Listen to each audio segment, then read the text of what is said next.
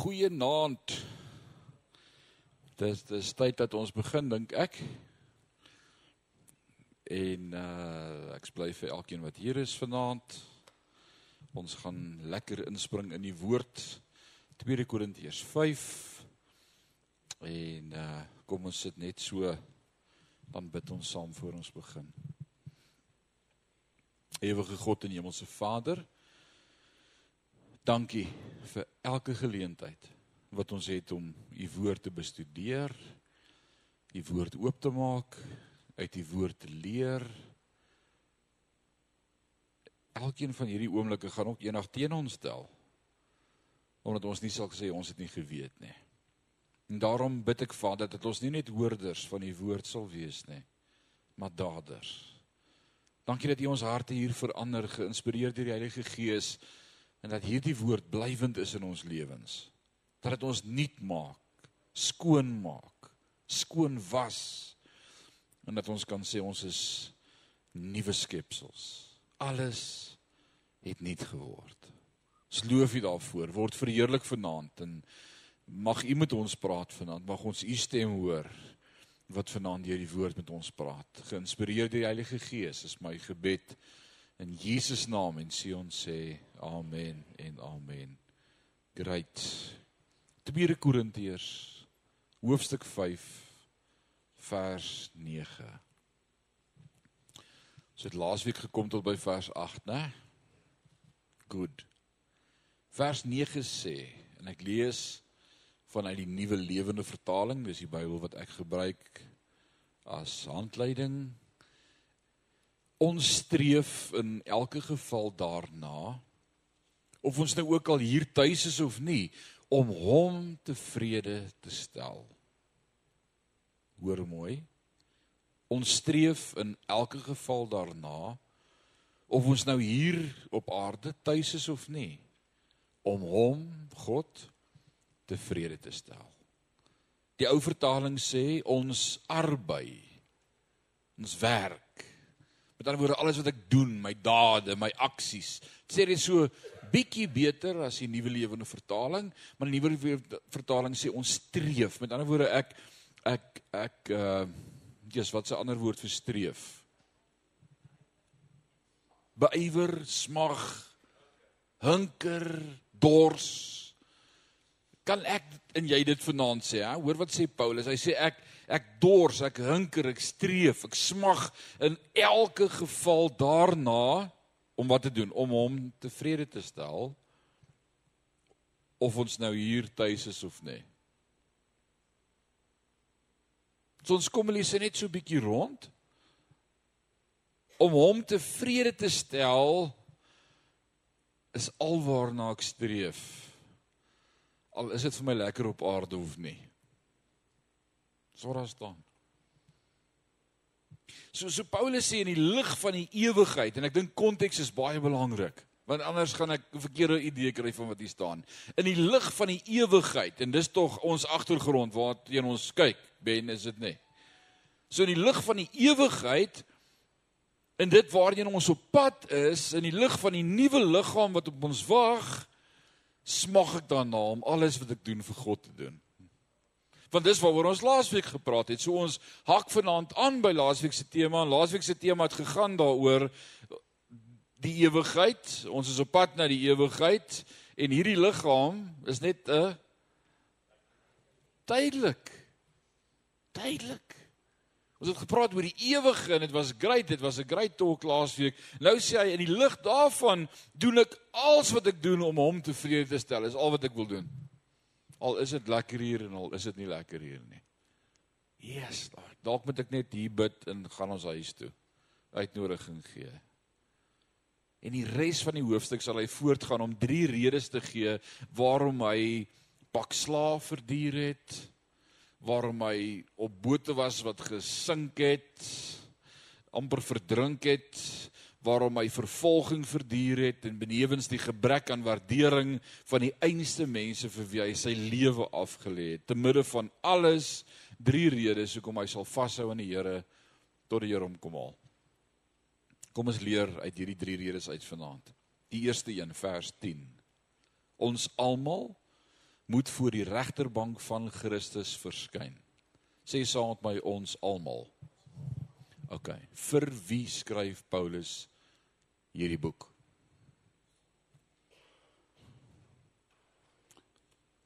Aan wie Paulus die boek geskryf 2 Korintiërs? Aan die gemeente in Korinte, die kerk, jy's reg.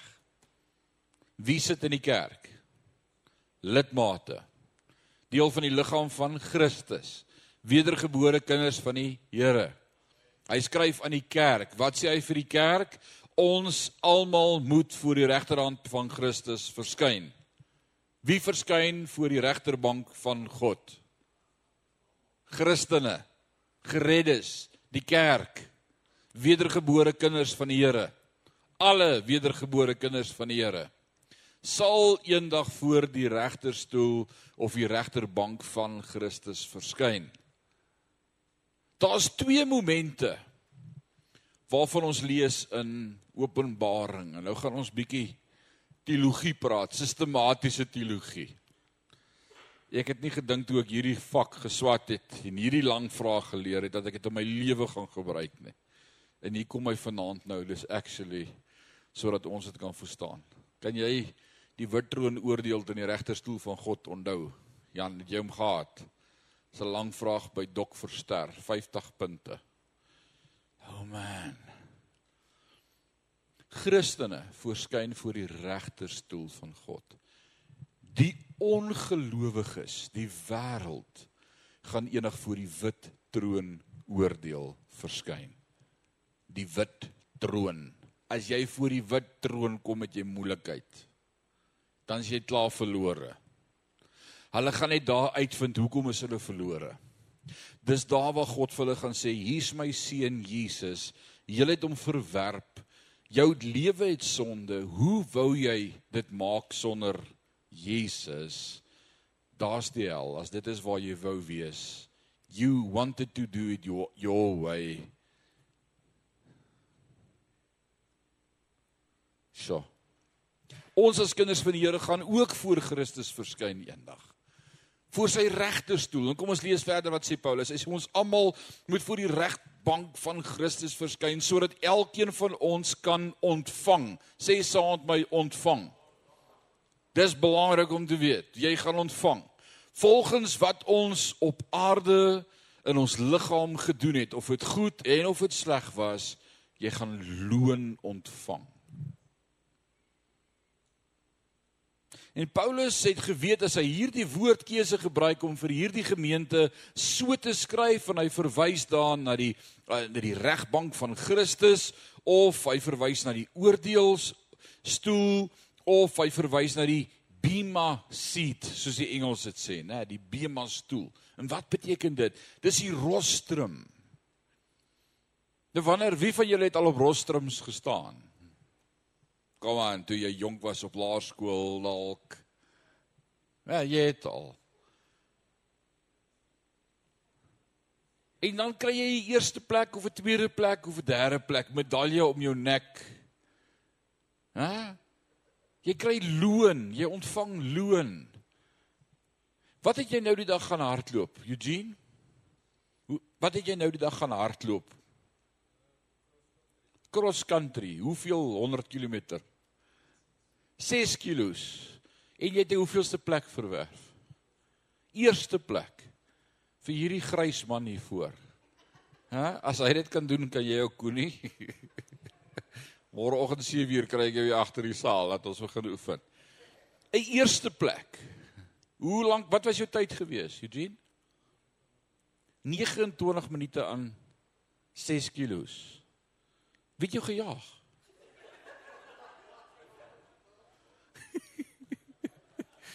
Die Bybel sê net die dwaas hardloop as niemand hom jag nie. So iemand moes jou gejaag het. Alraai. En dan as jy jou, jou prys kry, jy wen, dan klim jy op daai rostrum en hulle sit daai ketting om jou nek of as jy 'n Ferrari kyk, dan klim daai manne daar op die podium en dan sit hulle daai bottel champagne wat hulle so skud. En wat sit hulle op hulle koppe? So kransie. En die manne kry 'n bos blomme. Ek verstaan nou nog nie lekker daai ene hoekom die Ferrari manne blomme kry nie. Dis hoekom ek nie Ferrari ry nie. Maar en dan kry hulle daai lorierkransie, nê, gevleg olyftakkies. Maar die Bybel sê dis 'n verganklike kroon. Hy raak oud, droog. Maar voor God se regterstoel eendag gaan ons loon ontvang vir alles wat ons in die vlees op aarde gedoen het. Elke woord van bemoediging wat jy teenoor 'n medekind van die Here uitgespreek het. Elke finansiële bydrae wat jy gemaak het vir die koninkryk, elke saad wat jy in die grond gesit het, elke elke opoffering wat jy gedoen het vir die koninkryk, elke sonnaskoolonderwyser en onderwyseres vir elke kind wat jy geleer het van Christus en van die woord, elkeen van ons gaan loon ontvang. Dalk moet ek volgende week in die lig hiervan weer met ons praat oor die sewe krone wat ons eendag as loon kan ontvang. Daar's sewe verskillende krone wat jy kan ontvang. En die vraag is, gaan jy loon ontvang? En dan sê ouens vir my, ag, is nie belangrik dat ek iets kry as ek in die hemel kom nie. Ek worry nie vir 'n kroon nie. Hier's die geheim. Jy gaan niks saamvat as jy gaan nie al sit hulle 'n hak aan jou kus in hulle hakkie venterwaandjie. Dit gaan nie daar uitkom nie. Jy het nie 'n hak nie.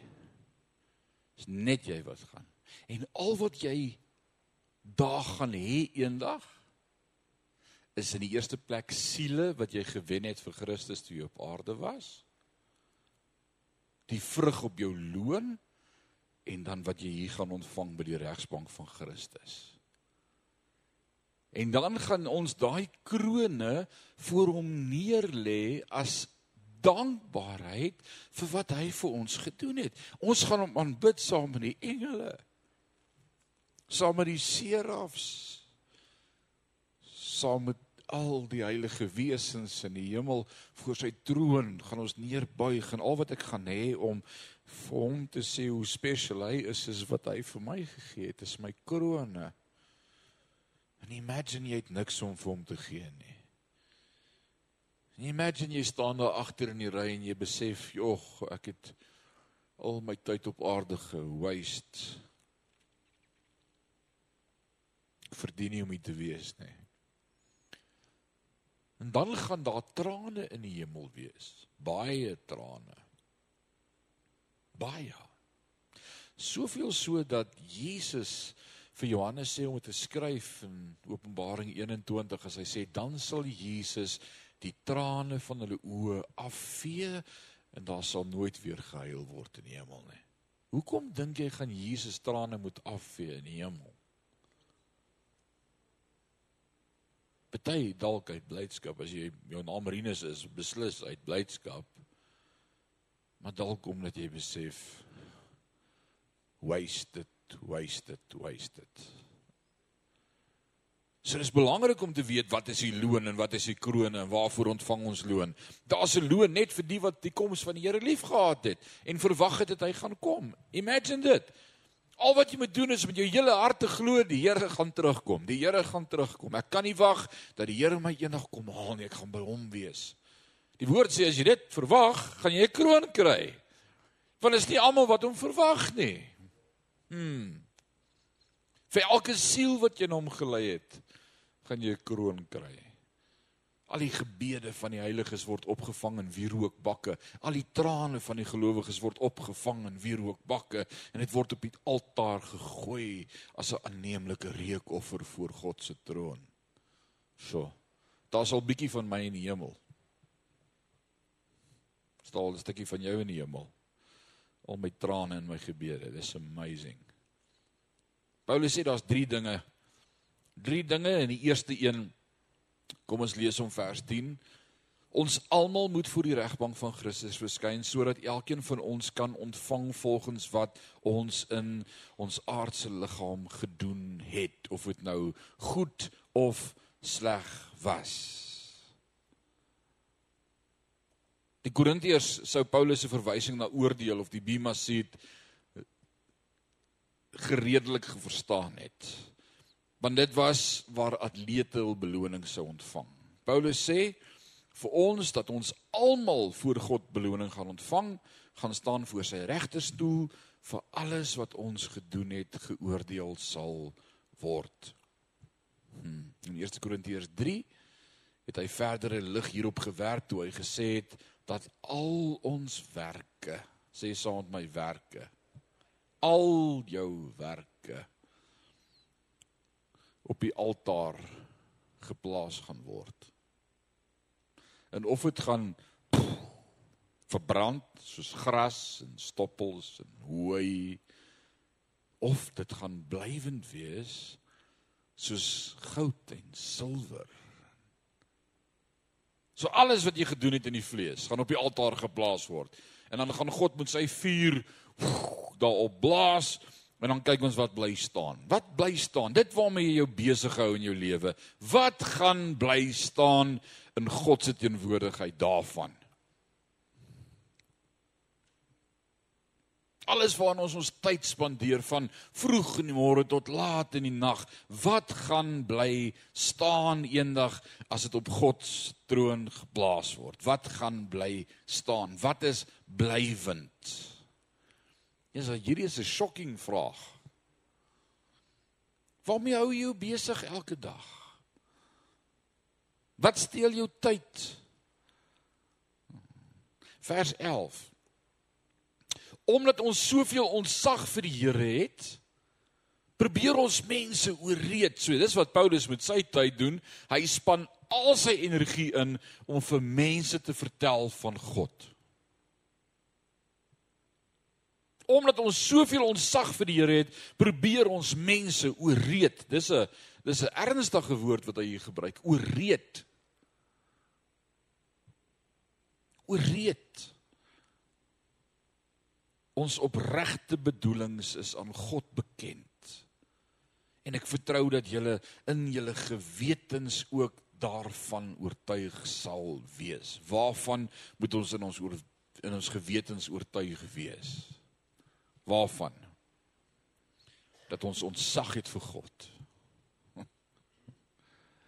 En omdat ek ontzag het vir hom en hy vir my ontzaglik belangrik is, doen ek alles in my vermoë om tot sy eer met elke individu wat my pad kruis te praat en 'n verskil te maak.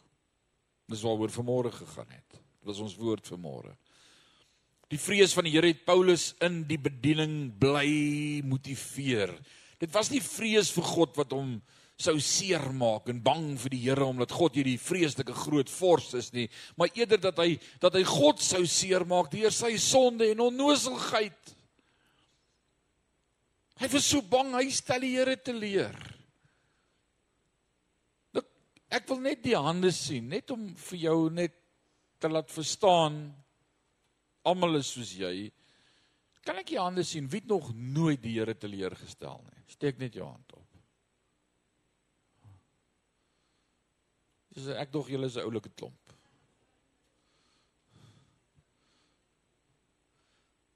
woord van die Here sê vir ons almal het gesondig en dit ontbreek ons aan sy heerlikheid. Maar weet julle wat s'ie awesome vanaand is dat ons almal kan getuig en ek glo ons almal kan dat ons weet Jesus Christus vir ons gesterf het aan die kruis dat hy ons geskoon gewas het deur die bloed van sy seun. O oh man, en ons verdien nie die hemel nie, né? Ons doen nie. En nou wil ek alles wat ek kan doen terug doen om vir hom te wys hoe spesiaal hy vir my is. Ek is so bang ek stel hom weer te leer. Ek sou bang ek doen iets wat hom teleurstel. Nadat Paulus in die derde hemel weggeruk is, het Paulus geweet dat ons almal eendag voor die leeu van die stam van Juda gaan staan en hom in sy majesteit en liefde sien vir wie hy is. Paulus het iets gesien die dag daar wat Johannes vir ons probeer verduidelik in Openbaring. Hy was voor die troon en hy het gesien ons gaan eendag voor God staan en dit het Paulus se lewe radikaal verander. As daar een ding is wat jou lewe radikaal kan verander, dan is dit 'n besef van dit wat eendag gaan gebeur in die hemel. Dit het Paulus se lewe radikaal verander. En Paulus wou enige iemand spaar om te sê, "Hoekom het ek my tyd so gemors op aarde? Hoekom het ek my geld op daardie onbeduidende snytery spandeer en my energie so dwaas verkoos? Hoekom het ek nie eerder my tyd en energie spandeer aan die koninkryk nie? Waarom het ek dit wat Jesus aan die kruis van Golgotha vir my gedoen het so ligtelik opgeneem? Jesus paid it all all to him I owe. Alles. Alles. Vers 12 en 13. Ons beveel ons nie weer by julle aan nie. Mag gee net vir julle aanleiding om op ons trots te wees sodat julle iets mag hê teenoor hulle wat trots is op die uiterlike en nie op die innerlike nie.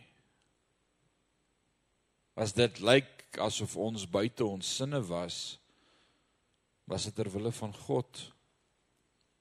En as ons by ons volle verstand is is dit ter wille van God Paulus sê julle julle is so chuffed verstaan almal wat die woord chuffed beteken? Is jy iemand wat te oud is om die woord chuffed te verstaan? Toets verstaan jy chuffed pragtig. Nou sy verstaan moet almal verstaan, né? Hy sê julle is so in julle skik met hierdie grand lidmate wat julle het wat so mooi aantrek en julle is so trots op hulle en julle praat oor hulle oor hierdie grand klomp. Julle is so trots op hulle uiterlike. Jesus is 'n aanklag. Maar eintlik is hulle disgusted met Paulus en het hy 'n paar goed gehoor van wat hulle van hom praat en Paulus trek nie eers mooi aan nie en hy dra sulke ou rokke as hy in sy tent te werk en hy worry nie hoe hy voorkom nie en hy kam nie sy hare nie. Wat se tipe leier is hy? Ha, hier hier kom hy. Hy sê ons beveel ons nie weer by julle aan nie. Maar ons gee net vir julle aanleiding om op ons trots te wees sodat sodat julle iets mag hê teenoor hulle wat trots is op die uiterlike, nie op die innerlike nie. Wat maak saak in die lewe, die uiterlike of die innerlike? Die uiterlike maak nie saak nie. Praat met die jong manne oor hulle trouvrouens en wat hulle in 'n vrou sien en 90% van wat hulle in 'n vrou soek is uiterlike. Ooh, sy moet lang blond haar hê en brou of bruin oë en swart wenkbroue en 'n mooi gesig en lank en skraal en ag man,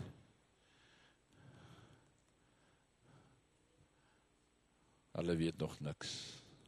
Hmm. Uiterlike maak nie saak nie. Die innerlike is wat saak maak. En die jong meisies, hulle soek 'n hank en hulle soek 'n man met spiere wat gym en wat mooi kyk na sy liggaam en looks.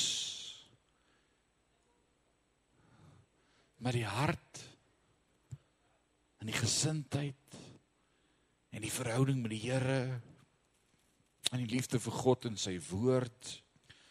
En 'n man wat sy gesin bymekaar gaan hou wat sê kom dat ons die gesig van die Here soek. Ek en my huis ons gaan die Here dien. Is nie die manne met die spiere noodwendig wat dit doen nie. Ah ah. Vers 13 sê as dit lyk asof ons buite ons sinne was, met ander woorde, hy tot 'n roemer of twee gehoor dat hulle gesê het ag ons dink Paulus is heel van sy trollie af.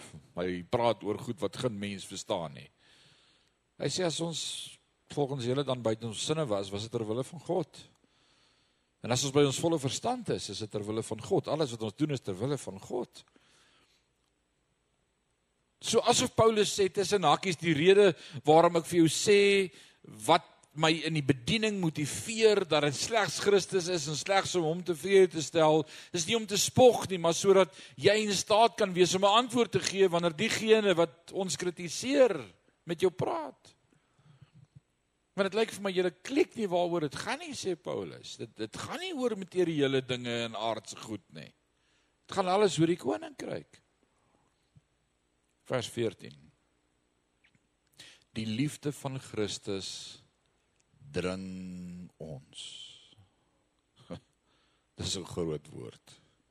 Die liefde van Christus dring ons. Omdat ons geoordeel het dat een vir almal gesterf het. Glo ons dat ons almal ons ou sondige lewens afgesterf het. Hy het vir almal gesterwe sodat die wat lewe nie meer vir hulle self moet leef nie, maar vir hom wat vir hulle gesterf het en opgewek is. Hier's 'n groot waarheid ouens. As ek dink aan wat Christus vir my gedoen het, ek wat dood was deur die misdade van my sonde, hy wat ons lewens gemaak het, lewend gemaak het. Paulus sê hy het vir ons almal gesterf sodat die wat lewe nie meer vir hulle self moet leef nie. So die vraag wat ek vanaand vir myself moet vra is vir wie leef ek? En ek hoor baie keer as mense so bymekaar staan, dan sal ek goed hoor soos, "Ooh, ek leef vir my kleinkinders."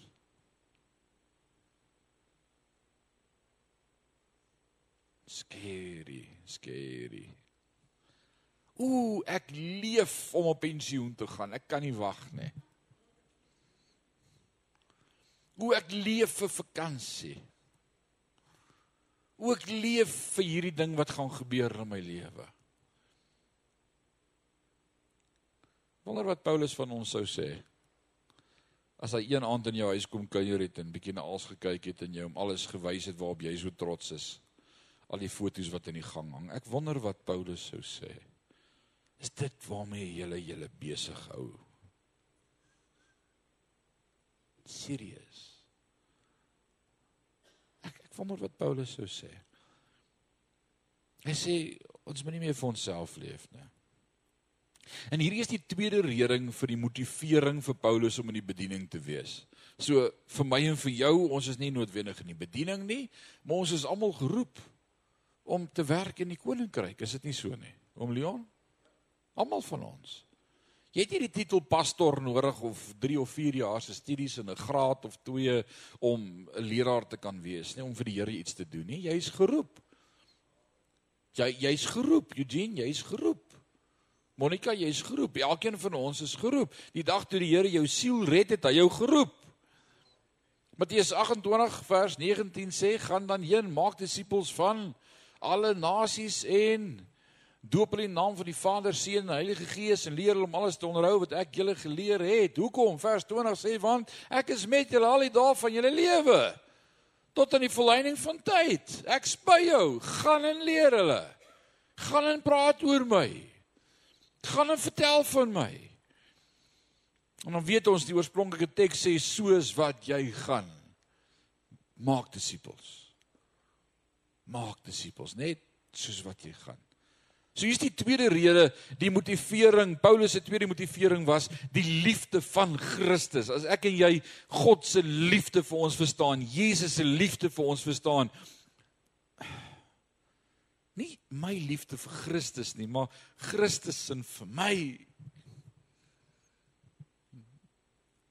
O, my my verstaan van Christus is beperk en oh, ek het nie eers altyd woorde om vir die Here te sê hoe lief is ek vir hom nie, want ek ons kan net proporsioneel liefde teenoor hom demonstreer wat ons geleer ken het hier op aarde en dis moeilike begrippe. En as jy in 'n huis groot geword het, broer, waar manne mekaar nie druk of soen nie en manne nie vir mekaar sê ek's lief vir jou en jou vasvat en druk nie en jy nie liefde beleef het nie, nou moet jy vir God sê ek's lief vir u. Jy het nie 'n klou wat dit beteken of of so bly dit staan nie in ons Vader nie, nou hoef ek dit nie te bid nie.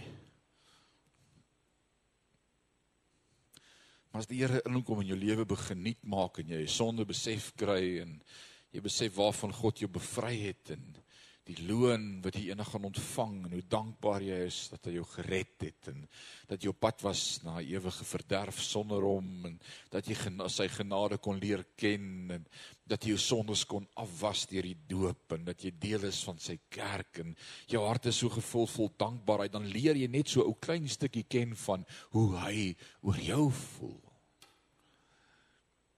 En omdat hy so oor my voel sê Paulus, kan ek nie ophou om die bediening te ek kan nie die bediening los nie. Ek kan nie ophou om te preek nie. Ek kan nie ek kan nie die bediening los nie want hy het my lief.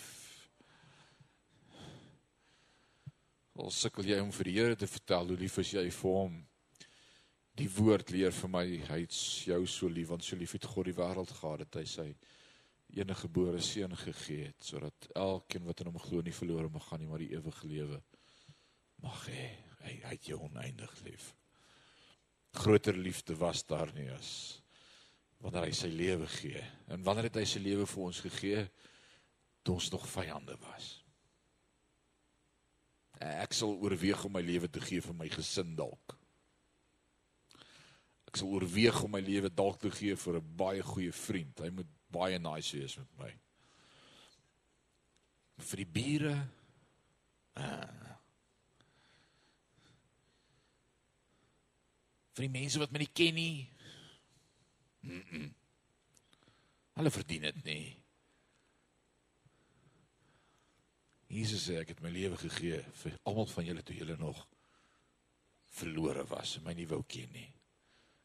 Wow. 'n paar jaar gelede het 'n bedieningstydskrif artikel geskryf oor pastore in die besonder mense wat in voltydse bediening is in die koninkryk. En dat meer as 80% van diegene wat in voltydse bediening betrokke is, bedieningsuitbranding ervaar, burn-out. Net soos burn-out. Dank die Here my 49 jaar het ek dit nog net twee keer beleef. Burn-out wat daartoe lei dat geestelikes die bediening teen 'n hoër koers verlaat as wat nuwe geestelikes die bediening toetree. Verstaan jy dit in Afrikaans?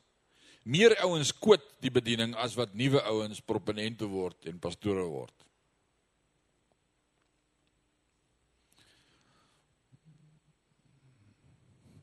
Wat tot gevolg het dat die gemiddelde leraar minder as 3 jaar op die preekstoel bly. That's a fact. Van ons klas waarvan ek 'n eerste jaar was, jare jare gelede, teologie geswat het op RAE en by Auckland Park Teologiese Fakulteit wat 'n eerstejaarsgroep was van 48 het ek nou die dag getel en ek kon 4 kry waarvan ek een is wat nog in die bediening is.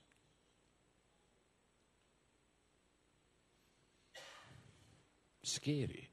MC, hoeveel van jou groep is nog in die bediening?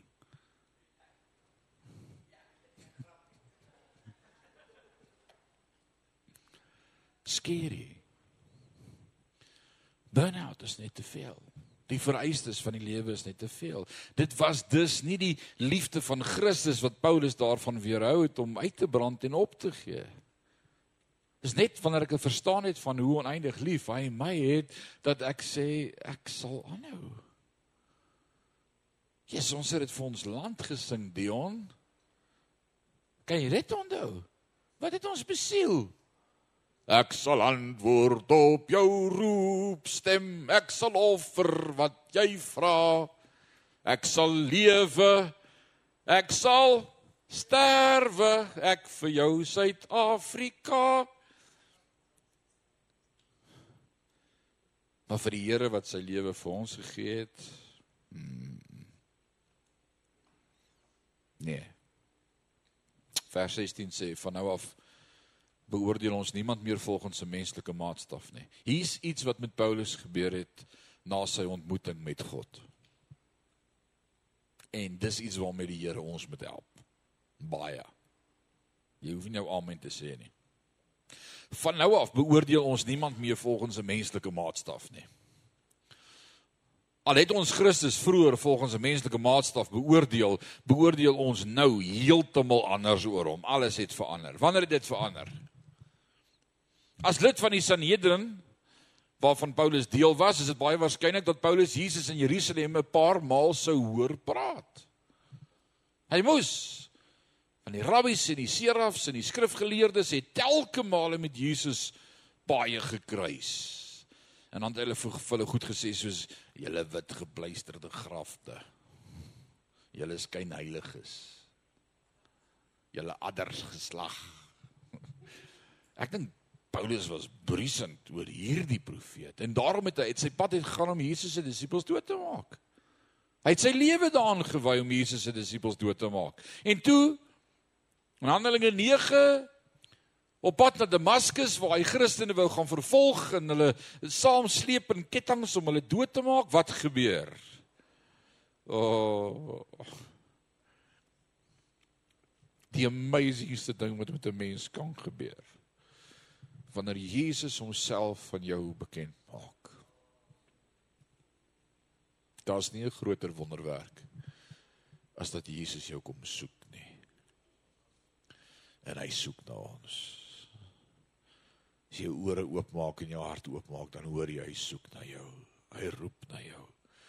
En dan ontmoet hy hom en hy sien daardie lig, daardie lig was so helder dat hy verblind is en hy's met blindheid geslaan op sy knie en sy hande vra hy wie is hierdie een wat met my praat en Jesus sê ek is Jesus die een wat jy so vervolg dis ek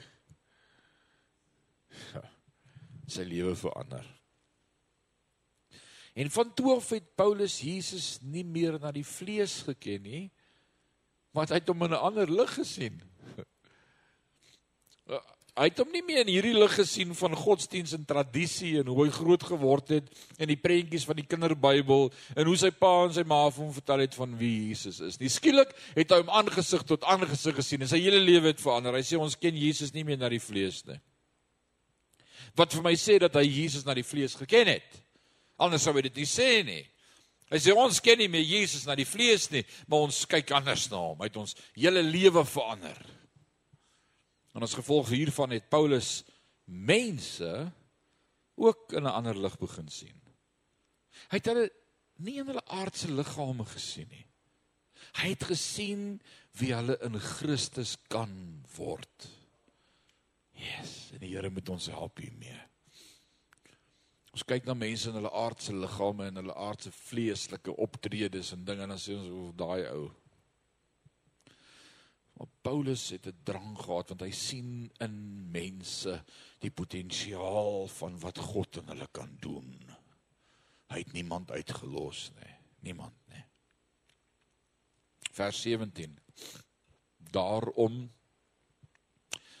iemand wat aan Christus verbind is is 'n nuwe skepping, skepsel, skepping. Die ou dinge is verby. Kyk, die nuwe is hier. Is dit nie amazing nie? Is dit nie amazing nie? Hier hierdie vers moet ons meer en meer vir onsself sê. Daarom iemand wat aan Christus verbind is, so die vraag vanaand vir jou, is 'n vraag vir my baie maklik. Is jy aan Christus verbind? Ja of nee? Jy moet mooi ding wat jy sê, want hier kom 'n B-deel vir hierdie vers. Hy sê as jy sê jy is aan Christus gebind, dan is jy 'n nuwe skepsel. Nee, hier is die probleem. En daarom moet kan ons die vraag vra vanaand, is jy 'n nuwe skepsel? Hoekom sleep ons al daai ou goed met ons saam, al daai ou gewoontes en jou ou humeur en jou ou manier van dinge doen en jou ou ou ou plekke waar jy gegaan het en al die ou goed, dit jy bly dit met jou saamsleep. Los die goed wat verby is. Strek jou uit na die dinge wat voor lê. Paulus sê ek ag my verlede as drek. Dis nonsens. Ek strek my uit na die dinge wat voor lê. Vergeet van die dag van gister is verby. Jy sê dalk vanaand ek is 'n gelowige, maar ek voel nie soos 'n nuwe skepping nie. Almal van ons kom op sulke plekke in ons lewe. Almal van ons. Ek ek weet ek behoort aan die Here. Maar ek's nog nie 'n nuwe skepsel nie. Dan wil ek jou herinner vanaand aan die begin van die begin van die begin storie van die begin. En waar dink jy sal dit in die Bybel staan? Die begin. Genesis 1 vers 1. In die begin was die aarde woes en leeg. Maar ek en jy weet God het nie die aarde woes en leeg gemaak nie. Dis ons begin. Dis 6000 jaar terug se begin. Maar dit was nie God se begin nie. Dis my begin. En Jesaja leer die Here vir ons 'n paar ander goeders. Die profeet sê hy sê hy vertel vir ons van Lucifer en wat 'n derde van die engele saam met hom verlei het en hoe hulle uh, neergewerp is op die aarde en hoe hulle die aarde kom bewoon het en hoe hierdie hulle heerskappy is hier op aarde. Jesus self toe op aarde was, wie is die God van hierdie wêreld? Wie is die God van hierdie wêreld? Satan. Jesus sê so. Johannes 10:10 10, hy het gekom, hoekom het hy gekom om te steel en te slag en te verwoes. Maar ek het gekom sodat jy lewe en lewe in oorvloed kan hê. Nou Jan kan nou vir ons 'n pragtige stuk lering saamstel uit die Hebreëus uit oor daai woord woes en leeg en wat dit beteken. Maar die profeet sê op 'n stadium God het nie die aarde woes en leeg gemaak in die begin nie. Hy het dit volmaak gemaak. Hy het dit perfek geskep. Maar as ons lees dan kry ons die aarde waar hy woes en leeg is. Hoe dit gebeur, Eugene?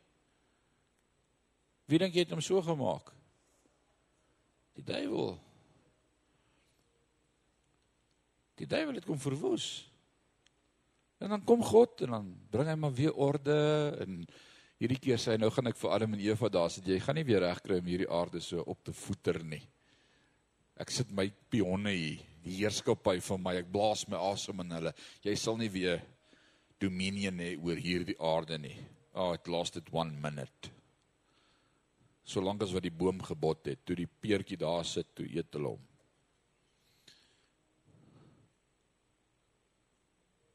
Woes en leeg. Dit is 'n proses wat God kom herskep. En hy bring orde en Hy skei weer die water in die land. En dis hoe my lewe lyk. God het ons geskep om 'n perfekte lewe met hom te leef. Maar die duiwel het reg gekry dat ons in sonde gebore en ontvang is en dit ontbreek ons in sy heerlikheid. En dan kom God en hy skep weer orde. Dis 'n proses. En dit noem ons heiligmaking. Heiligmaking hoe meer ek in die woord is, hoe meer ek sy woord lees, hoe meer ek sy woord bestudeer, hoe meer ek vas en bid en tyd maak vir God, hoe meer verander hy hierdie deurmekaar woes en leeg wêreld en bring hy sy heerskappy. Dis 'n proses. En dis waarmee ons besig is sonder aande. Ons sit die woord in en ek dink dit was John Coulson wat so mooi gesê het. Hy sê the word goes in, the dirt comes out. Jy moet net aan om die woord in te sit. Hou net aan om die woord in te sit. Ek wil ek wil gou kyk of ek dit vanaand kry. Dalk dalk kry ek dit vanaand. Wanneer jy iets soek, kry jy dit nie. Wanneer jy nie iets soek nie, Is dit so?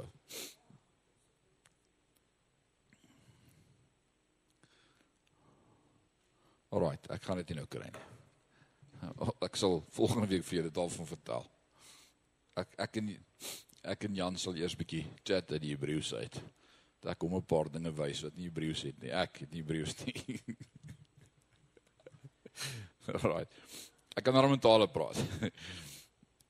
Dieselfde tel vir ons mensdom. God herskep en maak nuut vers 18 tot 20. Hierdie hele nuwe werklikheid kom van God af. Wat ons deur Christus met homself versoen het en aan ons die bediening van die versoening gegee het. Die boodskap van versoening bestaan daarin dat God deur Christus die wêreld met homself versoen het en nie die mense se oortredings teen hulle hou nie. Nou as hierdie nie vir jou goeie nuus is nie, weet ek nie. Dis verzoening met God. Dis waaroor verzoening gaan.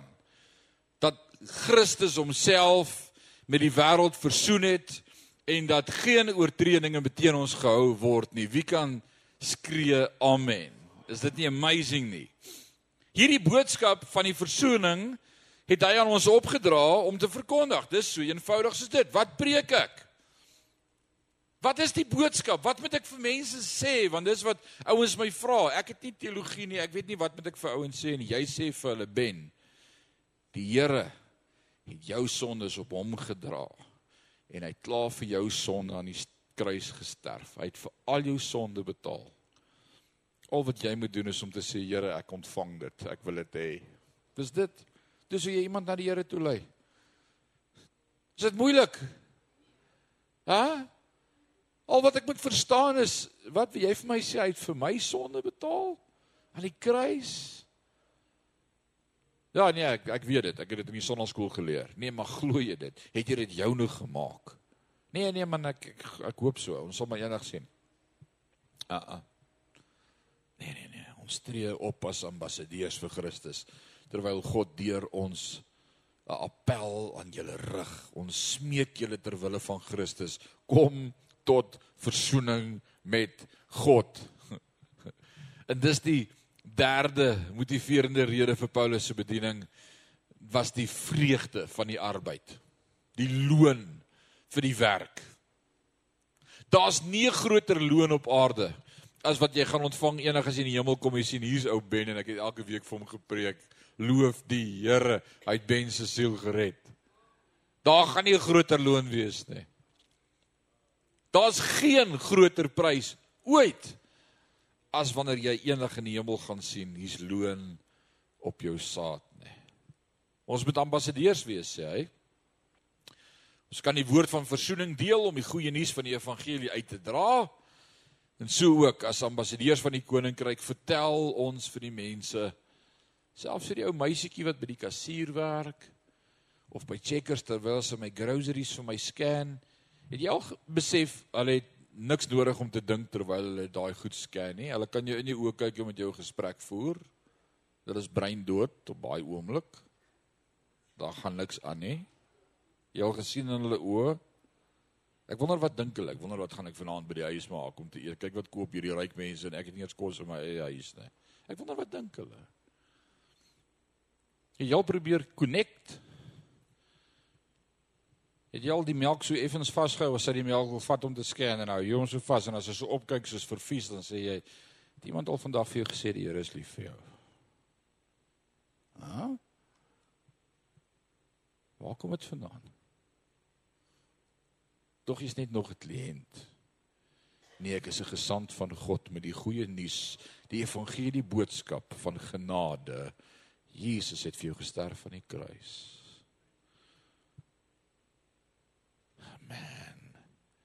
Is dit moeilik hè?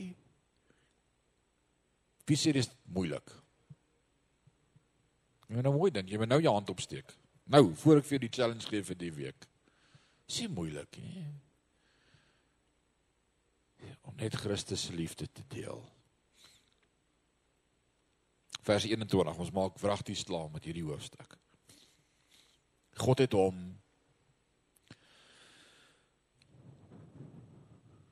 wat nie sonde geken het nie. Sonde gemaak. Hy het hom wat nie sonde geken het nie sonde gemaak ter wille van ons sodat ons op grond van ons verhouding met Jesus Christus deur God vrygespreek kan word.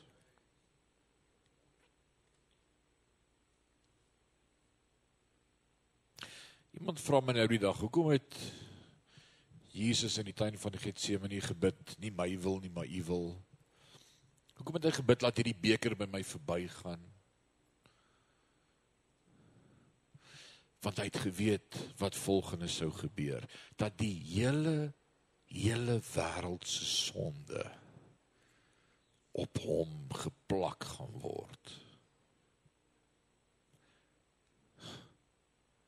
Die een wat sonde nie geken het nie.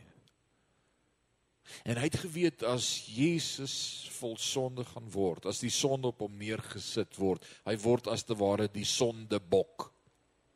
So wat vandaan kom in die Ou Testament, né? En God kan nie sonde in die oë kyk nie.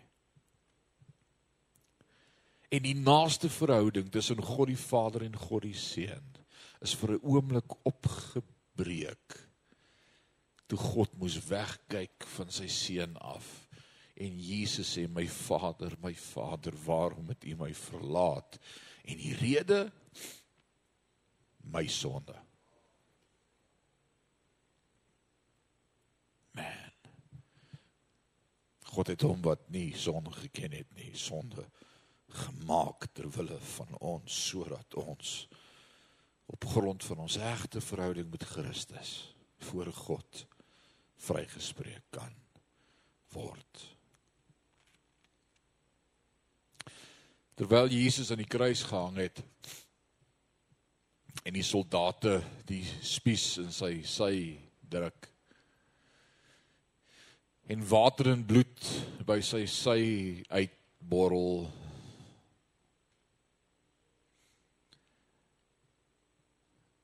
het Jesus vir my en vir jou 'n opening gemaak na die Vader deur sy liggaam. Dit is so eenvoudig as wat die nagmaal verduidelik kan word. Dis wat dit is. Toe daai spies indruk, toe sê hy maak oop. Nou kan jy kom. Hier's die weg na die Vader. Is deur my.